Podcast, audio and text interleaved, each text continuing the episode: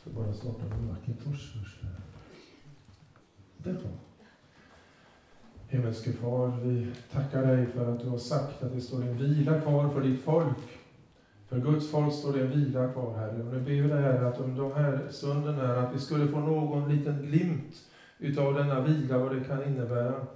Vilan i dig och vilan i det fullkomliga och hela och äkta och det läkta och det försonade, det förlåtna, i det eviga. Herre, vi, vi ber om din Ande, att din Ande sänder sig ner i våra hjärtan, öppnar oss, våra, hjälp oss att vara närvarande här, så inte våra tankar flyger all världens väg, utan att de är här nu, Herre. Så kom, helige Ande, och tala till oss, Herre. Herre, om det är möjligt att du kan använda min mun här idag, så Herre, ber jag dig att du gör det. Vi ber om detta, vi ber om din närhet, vi ber om din, ditt liv, vi ber om denna vila, glimtar av den här just nu, denna ofullkomliga värld, som du idag ska skapa helt och hållet fullkomlig. Vi tackar och prisar dig, Herre, för att du hör vår bön för Jesu Kristi skull. Amen. Det var väldigt arbetsamma dagar inför det här mötet. Så det har varit mycket vila och semester och så har vi haft reparationer av vår sommarstuga och sånt där. Så det har inte varit... Men det har varit en härlig semester ändå tycker jag. Så komma hit också. Så. Jag tänker på Ove Wikström, den kände religionspsykologen i Uppsala, som eh, myntade det här begreppet eh, långsamhetens lov. Ni kommer ihåg det? Jag hörde honom en gång säga att han är så trött på detta, för han får resa omkring i hela Sverige. Han sliter ut sig själv på att tala om långsamhetens lov. Och till yttermera visso så drabbades han av en väldigt allvarlig hjärtinfarkt för några år sedan. Eh, och det fick ju honom också liksom att tänka. Så det var en väldigt märklig eh, backslide-reaktion alltså som han fick vara med om där, tröttsamheten. Jag kommer ihåg en gång när han höll föredrag för 500 stycken kommunalanställda, sjukvårdsanställda och några eh, församlingsmedlemmar som samlas upp på Uddevalla gamla regemente I 17 som numera är nedlagt. Eh, och där skulle han tala och då säger han så här. En del saker i livet blir man aldrig färdig med. Och så känner man hur det sänkte sig så här stentung atmosfär över hela, hela samlingen där folk satt så här. Och då säger han så här, och det är precis som det ska vara. Och det var som, man andades ny luft där och stenar föll från hjärtat och sånt. Det är precis som det ska vara. Vissa saker blir man aldrig färdig med. Härligt. Befriande. Um, ehm, jag ska titta på en bild här, tänkte jag. Ser du detta? Oh, det kommer. Robert Högfeldt, en mycket känd konstnär i Sverige, har, eh, eh, han är död nu. Han har illustrerat massor av böcker. Han skriver, han ritar så här i Det bästa hos Högfeldt, heter den här. Ja, och nu har jag lite frågor till dig här idag. Eh, var någonstans befinner du dig? Är det till höger eller till vänster? Och var vill du befinna dig någonstans? Och när vill du, befri, ja, vill du befinna dig där? Tänk efter lite grann. Jag kommer att visa dig slutet på det här och så ska ni få ta med de frågorna till grupperna här, tänker jag. Så får du bli mycket föremål för förbön där antagligen, kan jag tänka mig. Efter. Jag tycker den är fantastisk egentligen. Se bara på katten också, sitter borta Han är fantastisk på att forma eller illustrera karaktärer. Den är, den är Robert Högfeldt. Han är lite rasistisk också i sina uttryck, men det får gå. Det här är bra. Okej. Okay. Då så. Då lämnar vi honom.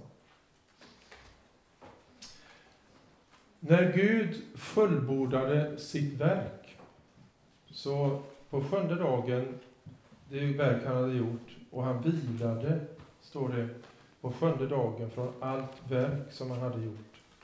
Står det i Första Mosebokens andra kapitel. Gud vilade på sjunde dagen från allt det verk han hade gjort. Gud vilade, och det ordet det heter shavat, eller shavat. på hebreiska. Och då börjar det klinga hos en del här. För att det är av det ordet som vi har fått sabbat, förstås. Sabbat. Ordet, ordets betydelse, eller grundbetydelse egentligen, Eh, det är att sitta still. Att sitta ned. Och att sitta still. Det betyder alltså inte att ligga i hängmatta och sova, utan det betyder att sitta still. Så på sjunde dagen så sätter sig Gud ner. Och så betraktar han hela skapelsen, allt det han hade gjort fullkomligt och underbart. Slutpunkten av Guds goda skapelse. Gud betraktar den och människan sitter vid hans sida och betraktar samma sak.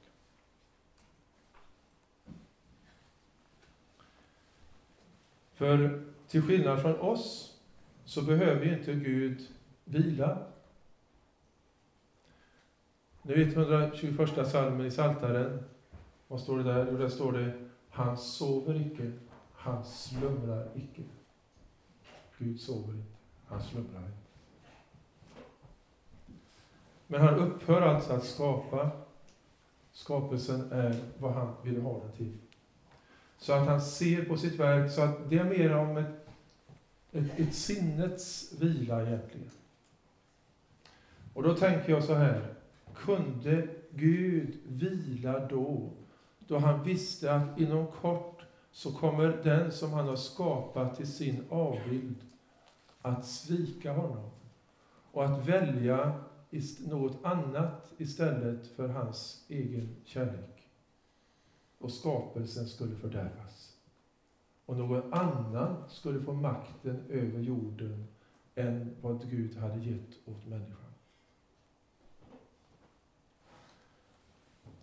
Kunde Gud vila då? Vi får inget svar på det. Men vi behöver vila. Och det vet ju alla, vi behöver den sjunde dagens vila. Under tiden den franska revolutionen och Robespierre hade makten eh, så introducerades tiodagarsveckan istället för sjudagarsveckan. Och det gick så i några år, men sen kunde inte varken människor eller djur klara av det. Människor blev sjuka och djuren klarade inte av det heller. Boskapen kollapsade på fälten. Och till slut så var man tillbaka till sjudagarsveckan igen. Man har haft liknande försök i Sovjetunionen med eh, olika slags veckor. Det var inte tiodagarsvecka där också, men det fungerar inte. Människan måste ha en rytm. Vi måste ha den av Gud instiftade sjunde dags vilan. Sju dagars vecka. Ehm, det finns ju alltså en annan vila. Eh, och det är den vilan som Gud talar om i Hebreerbrevet. I både tredje kapitlet och det fjärde kapitlet där talas det om Guds folks sabbatsvila. Och här använder författaren då till Hebreerbrevet exakt samma ord som man använder i skapelsen, alltså i, andra, i första Moseboks andra kapitel, fast han skriver på grekiska då, men nu finns det ju en grekisk översättning av Gamla Testamentet som ni vet heter Septuaginta. Och det ordet som man använder här i Hebreerbrevet, eh, det är exakt samma som man använder översatt hebreiska till grekiska i, eh, i Andra Moseboken, att denna vila, Gud vilade sjunde dagen. Så den vila som återstår för Guds folk, som det står där, det är den vila som när man ser på det fullkomliga och det äkta, det hela, det stora, det som alla innerst inne längtar efter och kämpar efter att få vinna. Nu leker Hebreerbrevets författare lite grann med orden där, så att han väver in då eh, grekiska och hebreiska i varandra, så att eh, han kallar det för, för sabbatismos kallar han det för, och det är ju liksom ett likord utav grekiska och hebreiska. Till glädje för alla präster och alla som lärt grekiska. Ehm, människan då i, ehm, eh, i evigheten är fri från släpet och slitet och av sig själv giver jorden sin gröda, eller frukten. Trädet giver sina frukter av sig själv. Jag tänkte att det måste vara helt fantastiskt egentligen att få vara med i skapelsens... Hur många år det gick? Om det gick 10 miljoner år eller om det gick 100 år eller 3 år eller vi vet inte. Men då allt gavs åt människan. människan behövde inte slita, rensa ogräs och lyfta undan stenar och göda i rabatterna utan av sig själv gav jorden sin frukt. Fantastiskt. När Jesus vandrade på jorden eh, och talar och ser upp på oss människor så säger han Kom till mig ni alla som arbetar och är tyngda av bördor, då skall jag vederkvicka eder, står det i 1917 års översättning. Jag tycker det är den finaste. Vederkvicka eder. Så stort, härligt ord. Vi använder inte så mycket det. Vi säger inte att har du blivit vederkvickt idag? Nej. Men det ordet som används där, det är mera vila från arbetet, det konkreta arbetet. Det är också vila då ifrån, från, eh, som soldaten får känna då efter striden. Han får vila ut efter striden. Det är samma ord där. Visst behöver vi vila. Och visst behöver vi andra prioriteringar i livet. Och visst behöver vi befrielse från massor av ägande som bara urholkar vår tid, faktiskt. Och inte fyller något annat än med möda och, och, och oro. Och så fick vi höra idag här ute vid flaggstången att eh, Jesus säger till sina lärjungar Följ med mig till en öde trakt så att vi får vila, eller vi, var, vi får vara ensamma och ni kan vila lite.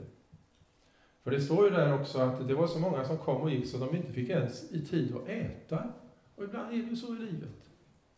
Det är äta, äta och inte äta och arbeta mest. Så man kan känna igen sig där.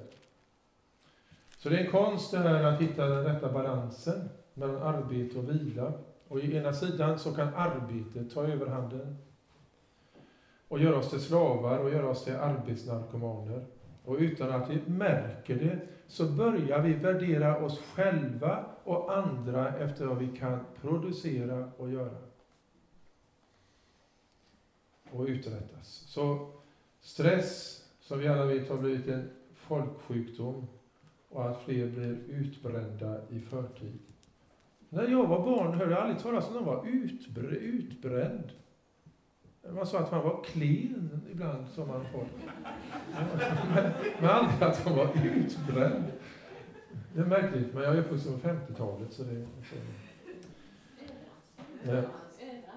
Va? Överansträngd sa man. Ja, men det har vi. Det hade vi. Tack för det. Å andra sidan så har vi alla fått ett förlängt veckoslut, trots att vi har tagit bort annandag pingst. Eh, och den ökande friheten är inte alltid så lätt att hantera, särskilt nu när vi har fått en ytterligare semesterdag också att ta hand om. Som vi fick som bonus för, jag vet inte om det var i samband med den här pingstdagen eller annandag pingst, men vi fick det i alla fall. Det förlängda veckoslutet och ökad frihet är inte så lätt att hantera heller. Sysslolöshet är själens största fiende, säger den helige Benedikt, benediktinerordens grundare. Säger han. Och han anger i klostret hur man konkret ska vara och arbeta. Eh, vila, säger han, inte bara slippa arbete och lättja är ingen dygd. Säger han. I Ordspråksboken står det jag kom förbi en lat mans mark. Där var tistlar överallt och marken var täckt av nässlor och stenmuren hade rasat. Ordspråksbokens 24 kapitel. Men då säger Jesus då, följ med mig till en öde trakt så att vi får vara ensamma och ni kan vila er lite. Så han, Jesus, som skickar ut oss på en mödosam, och sina lärjungar ut på en mödosam arbetsuppgift och riskabel, hade inte ens han en sten där han kunde vila sitt huvud, som han säger. Jesus behövde tydligen inte vila. Jo, Johannes 4 kapitel. Jesus var trött av sin vandring och satte sig vid en brunn. Ni kommer ihåg? Det finns ett ställe där det står att Jesus var trött. Och övrigt står det ingenting om att han var trött.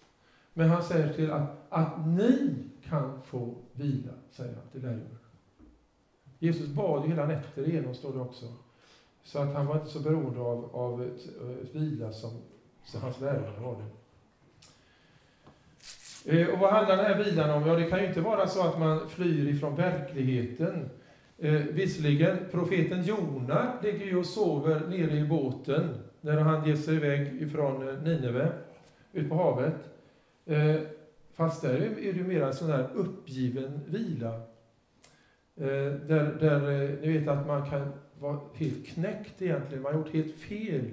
Ja, det enda som, som kan hända det är att man, ja, man får gå och lägga sig och sova helt enkelt. Det finns inget mer att göra. Så det, det var inte den vilan, det var inte en uppgivenhetssömn. Eh, att jag går och lägger mig alltså. För att ett gott samvete är ju den bästa huvudkudden, som vi hör, vet. Och heller, inte heller kan det vara vilan som menas den här rike bonden i liknelsen som säger till sig själv att när han bygger, har samlat in allt sin säd så skulle han bygga nya lador för att få plats med alla sina ägodelar. Nu min vän är du väl försörjd för många år framåt. Du kan vila ut. Ät, drick och roa, sig, roa dig. Och ut i denne, denne mannen som Gud säger, du dåre, i denna natt ska ditt liv tas ifrån dig. Lukas 12 kapitel. Det var egentligen Konsums eh, stora slogan för en del år sedan. Ät, drick och var glad. Och då stod eh, den gode bibelläraren Sven Reichman i kassan en dag. Och han kunde aldrig hålla tyst. Så han sa till kassörsan det att eh, det står ät, drick och var glad, men vet du vad det står sen i Bibeln? Och så citerar han det och det var inte alls populärt att säga. Men han är ju den han är. Han kan inte hålla tyst alltid. Sådär. Det måste alltså finnas en annan slags vila, en god och välsignad vila. En vila som inte leder fel och inte flyr från verkligheten eller från nöden i världen. Och nu ska vi, så att ni håller er vakna en stund till, ser att en del har lite svårt med det, eh, så ska vi läsa tillsammans sen. Det. Det var ju så här, på Jesu tid så läste man allt tillsammans. Man satt inte där med varsin bibel, för det fanns inga biblar att läsa. Och kyrkans hela tid, 4, 5, 6, 7, 8, 9, 10, 100 år, allt lärde man, läste man tillsammans. Så nu ska vi läsa det tillsammans. Och det gör vi alla tillsammans. Och vi börjar nu.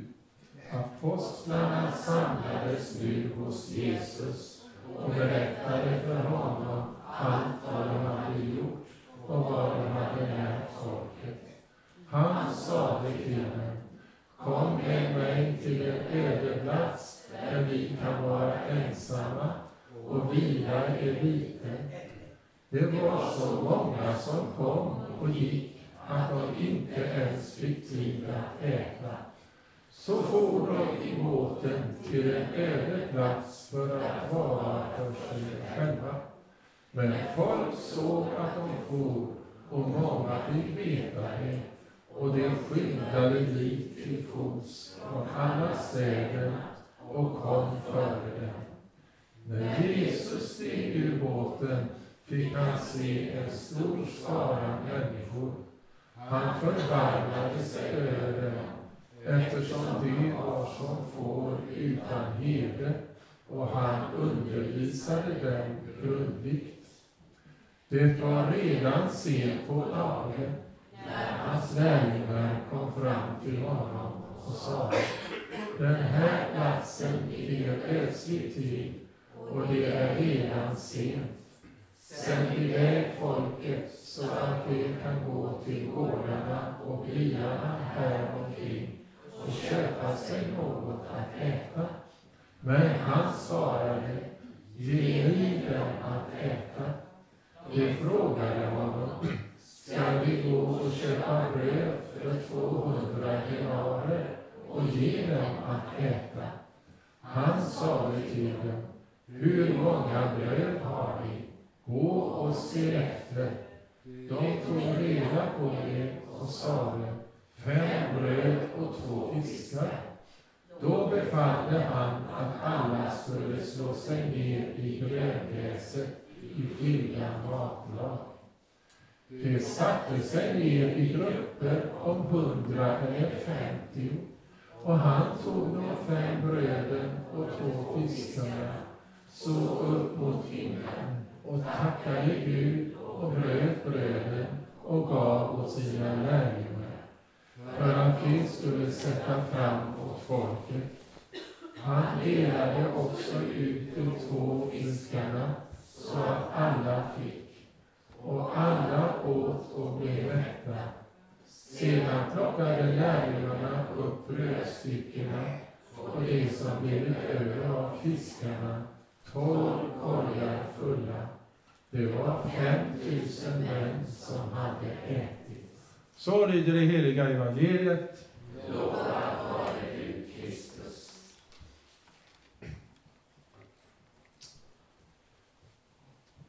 Nu måste vi fråga oss, vad hade hänt innan det här?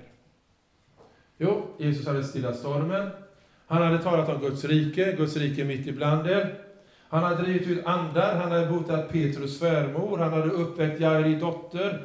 Han hade sänt ut de tolv med uppdrag att driva ut demoner, båda sjuka, uppväcka döda, predika om Guds rikes närvaro. Och de hade kommit tillbaka och sett att det här fungerade också. Det som de var utsända att göra. Och nu var de alltså trötta och så säger Jesus till dem att de ska sätta sig i båten. Och vad härligt alltså! Äntligen får vi vila. Inte en dag till. Jag är så trött på all nöd. Orkar inte med det längre. Jag är trött på att vara i centrum. Alla ska fråga efter oss. Och så ser folket att de ger sig iväg. Och ni hörde när ni läste att de går före dem, går runt Galileiska sjön och kommer, står där på andra sidan. Och när de närmar sig stranden så står alltså 5000 män där plus alla kvinnor och barn, så det måste vara 20 000 då, eh, cirkus. De står där på stranden och väntar. Och nu vet lärjungarna det hur Jesus är. För Jesus är ju alltid full av medlidande, står det, och omsorg. Och han kommer säkert nu att tala till dem och fortsätta att betjäna dem eländes elände alltså. Och de fick alldeles rätt. Jesus fylldes av passion över de här. Han var som, såg att de var som får utan herde och han delade hela sin kärlek till de här. Och det står att han undervisade dem länge och grundligt, stod det. Och då kan ni tänka, det var ingen vanlig BV, eh, vad heter det, predikan på fem, en timme, utan det var ännu längre alltså. Och där han undervisade dem. Å andra sidan så undervisade han ju inte som de skriftlärde, står det, utan med makt och myndighet, så det var naturligtvis något annat. Och sen, när de är utsläpade för att lyssna på predikan, så säger han, ge ni dem att äta. Och då var de trötta, vet ni. Och då sa de, räknade de, sen, 200 dagslöner skulle inte räcka till det. Och det blir då omsatt till svenska kronor 242 424 och 24 öre. 1000. 224 000, 42 424 och 24. Det är alltså 24, 24, 24, 24. Konstigt egentligen, när jag räknar ut det. Och då står det, inte hos Markus, men hos Johannes står det, Jesus visste vad han skulle göra. Men lärjungarna kände efter i plånboken hur tung den var. Alltså, det märkliga händer nu att dessa tolv lärjungar som hade varit med om så fantastiska saker, sådana under och tecken, de står där och börjar känna efter hur mycket de hade i plånboken. Och hur mycket det arbete det skulle gå ut på. Och de som dessutom då hade blivit lovade att den himmelske Fadern skulle förse dem med allt det de behövde. De fylls genast av de här tankarna. Det är omöjligt. Det är omöjligt, det är frustrerande, det är stressande, vi går under, vi har bara det vi har, fem bröd och två fiskar, knappt tillräckligt för oss. Och vi kommer gå under här i ödemarken, vi kommer att svälta ihjäl. Och för det första så kan vi inte få ihop 242 424 och 24. Och för det andra så kommer vi alltså att svälta ihjäl om man överdriver det hela. Vi har ju tendenser alltid att överdriva situationer. Det är bara värre och värre och så här.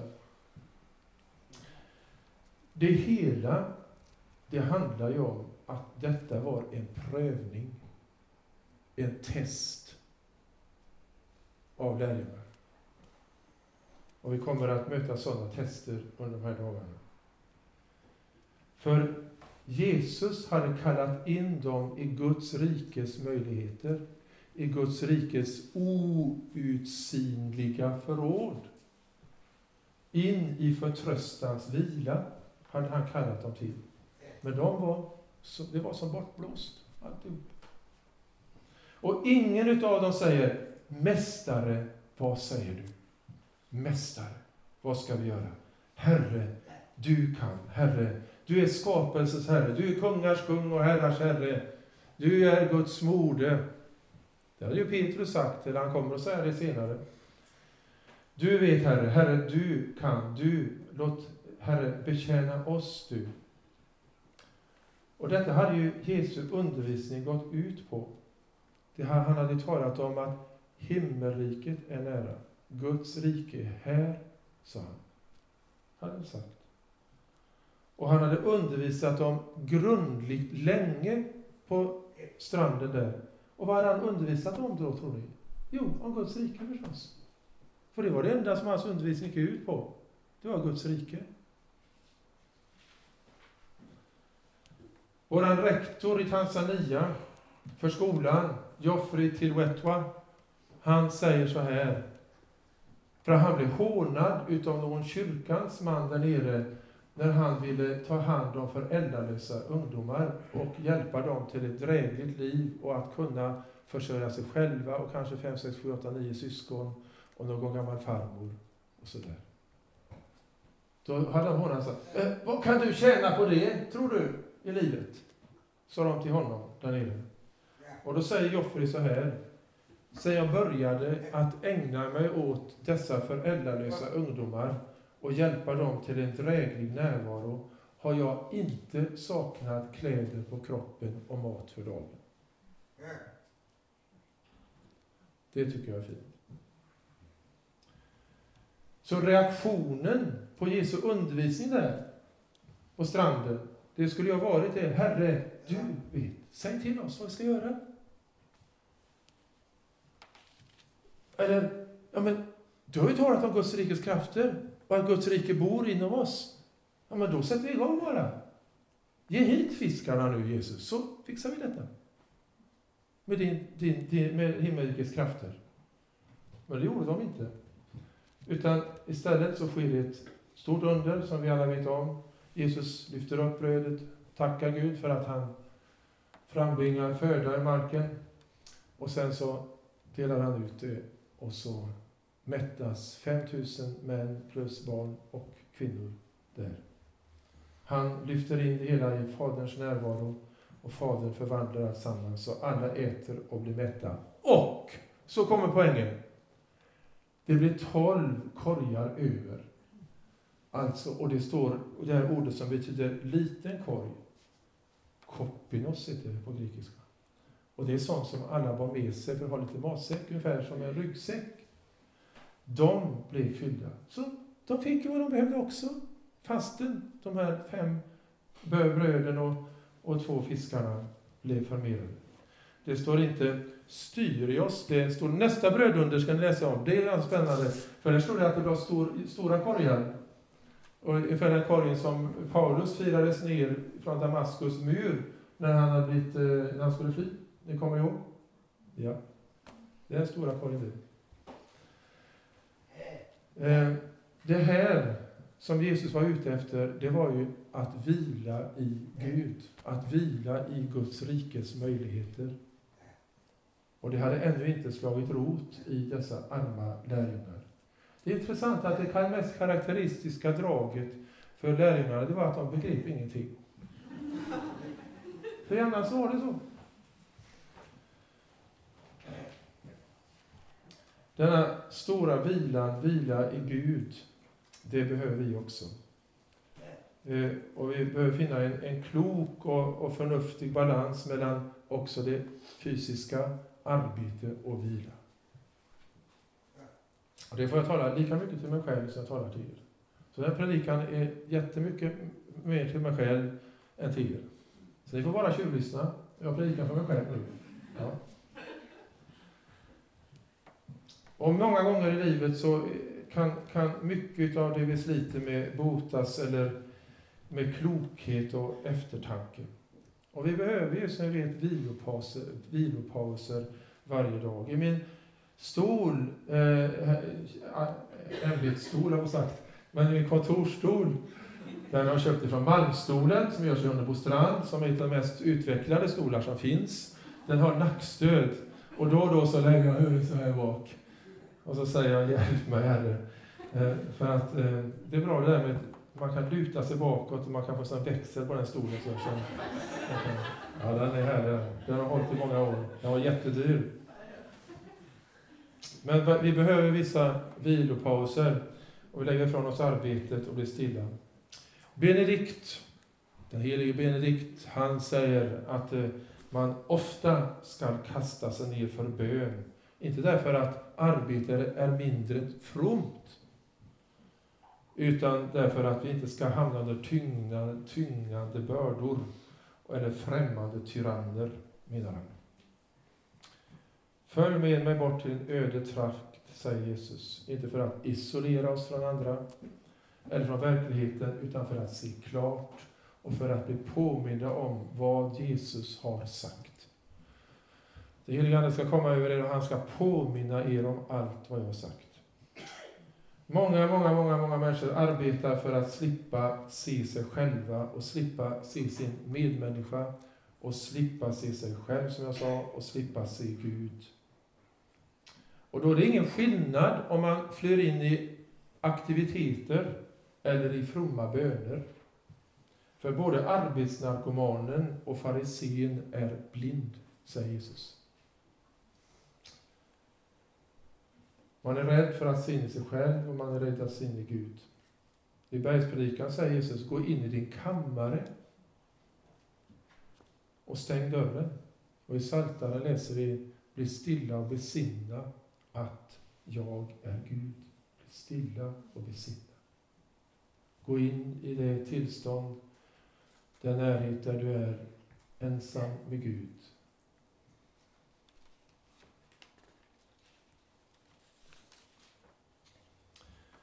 Den eh, första orsaken egentligen till oro och trötthet är ju att människor ställer sig under främmande och okända makter som efter ett tag visar sig vara plågoandar utan barmhärtighet. När den förlorade sonen hade förskingrat sina ägodelar, då var ju också de tidigare vännerna borta. Så det första steget till vila är ju att återvända från olydnad till lydnad under den ende sanne konungen. Han som säger Följ mig. Och han som säger så är ju den som vill oss väl. Han har ju inte tänkt att han skulle utnyttja oss eller fördärva våra liv. Eller belasta oss med ouppnåeliga krav. Han säger ju alltså, kom till mig ni alla som är trötta, tyngda av bördor, jag ska skänka er vila. Men varför måste vi gå till en öde trakt? Eller varför måste vi stänga dörren? Varför måste vi gå in i vår kammare och stänga dörren? Ja, helt enkelt därför att vi är ofta så rädda för sanningen. Också de här fromma och invanda orden kan ju dölja verkligheten. När vägen går med, till Jerusalem med lärjungarna och den väntade framgången som de har sett, när den uteblir och när den första entusiasmen tonar bort, ja då är det många som drar sig undan i, i tysthet. Och bönen tystnar och man nöjer sig med ett minimum. Medan besvikelse och trötthet lägger sig som en, som en blöt filt över livet. Och många kommer på sig efter en dag att men, jag har ju inte ens talat med Herren. Inte, jag glömde bort det, jag hade så mycket att göra. På kvällen tänkte man, men vad har jag gjort egentligen? Jag har bara arbetat. Herren har inte fått någonting, jag har inte ens fått chansen att säga något till mig. Följ med mig till en öde trakt och bed till din fader i det fördolda och säg som det är. Så här är det här. Sanningen är nog det svåraste vi har. För. Men inte ens den allsmäktige kan, kan frälsa, frälsa den människa som håller fast vid illusioner. Och enligt gammal erfarenhet behöver, så är det så att man behöver ibland hjälp med att av någon annan att se det som jag själv inte kan se.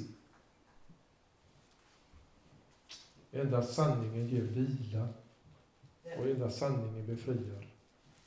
Så det är inga atleter som Gud frågar efter, utan det är människor som han tar i sin tjänst och säger ta på er mitt ok och lär av mig.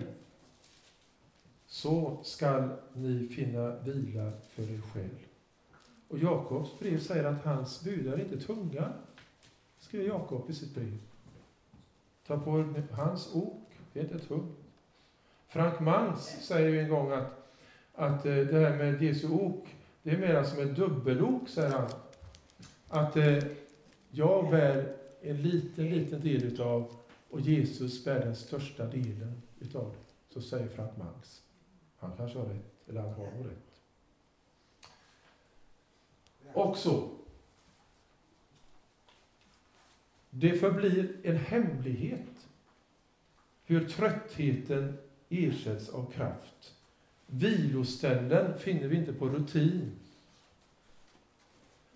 Profeten så säger den som bidar efter Herren hämtar ny kraft i Jesaja 40 kapitel. Och det måste vara så. Och ofta i efterhand så upptäcker vi att Gud har stått för sina löften.